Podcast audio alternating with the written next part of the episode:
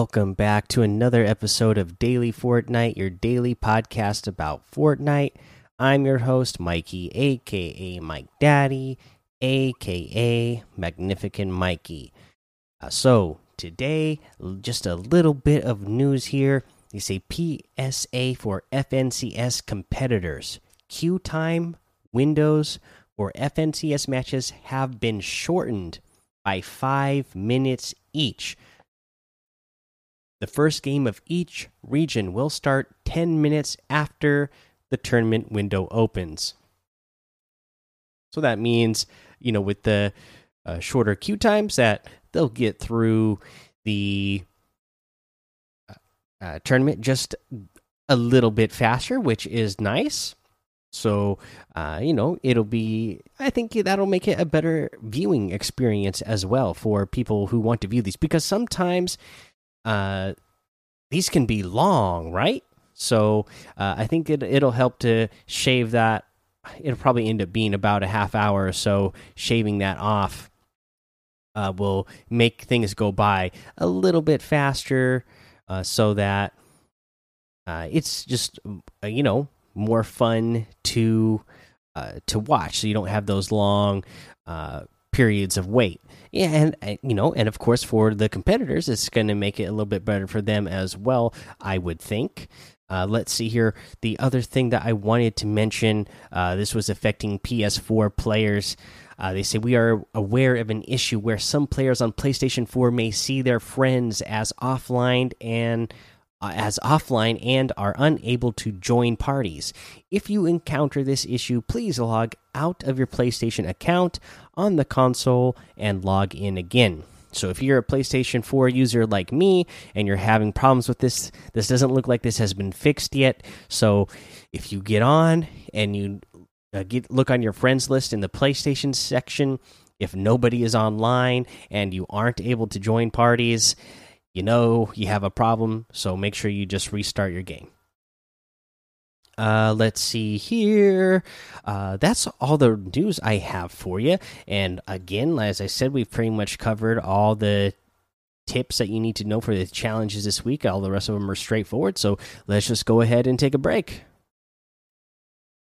Okay, let's go over today's item shop. And in the special offer sections where they've been putting all the Halloween stuff, most of it is gone now.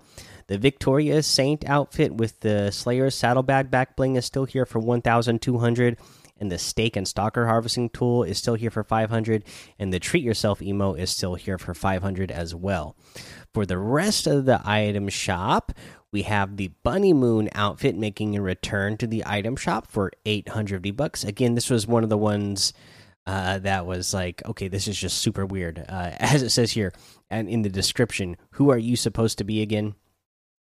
And it's like, you know, it's got on like Beetlejuice pants and uh, a corset on the outside of the shirt, but Christmas lights and a bunny mask. Uh, yeah, I'm sure you remember this one. This was one of the ones that was like, "What in the world is this?" Uh, but anyways, that's 800 V bucks. Uh, we also have the Paradox outfit with the Eternal back bling for 1,500, the Vision harvesting tool for 800, the Equilibrium glider for 500, the Lace outfit with the Stitches back bling for 1,500. Absolutely love this one. You guys know I love that one. Uh, we still have all our basketball stuff in here the jump shot outfit for 1200 the slam dunk harvesting tool for 800 the hang time glider for 1200 the ballsy emote for 500 the baller emote for 500 and the triple threat outfit for 1200 uh, we get the brat outfit with loose links contrail for 1200 the laugh it up emote for 500 the uh, breaking point emote for 200, the full tilt emote for 500, the scorpion outfit for 800, and a new music, the sweet victory music for 200 V bucks. Press play and savor the win. The wins. Uh, let's see here, guys. Uh, did I skip these? I don't think I mentioned these ones either.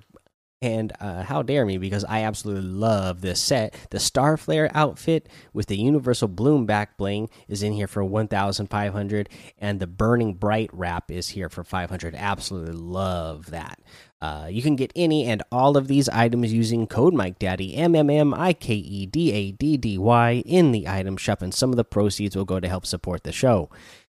Now, like I said, we're going to start mentioning some trios tips uh, as you are watching all your favorite trios compete in FNCS this season, and maybe you are even competing yourself.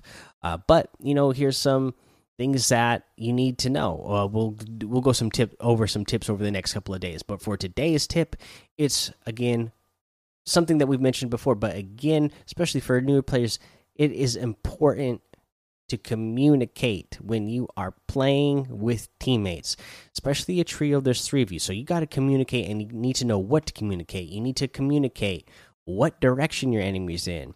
Not only can you ping, right? You can ping, so you uh, players can uh, see that a marker on the map of the general direction that they're in.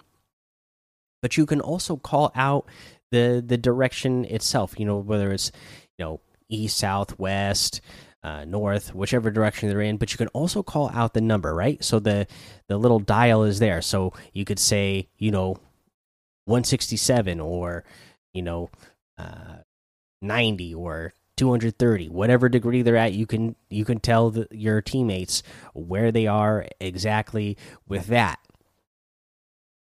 Other things that you need to communicate.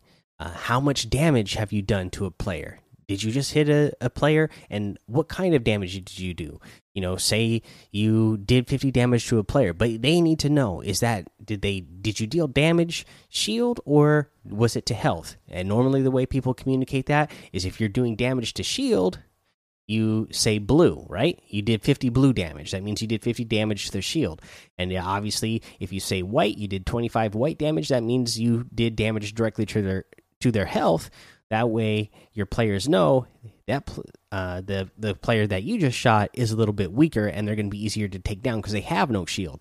You also make sure you when you when you're dealing blue damage to somebody, if you end up breaking that player's shield, let your teammates know that you broke that player's shield so that uh, once again everybody knows that hey that's that's a weak guy right now. He doesn't even have shield at the moment. We can be aggressive with this guy make sure that he doesn't start applying shield uh, and get him while he's weak.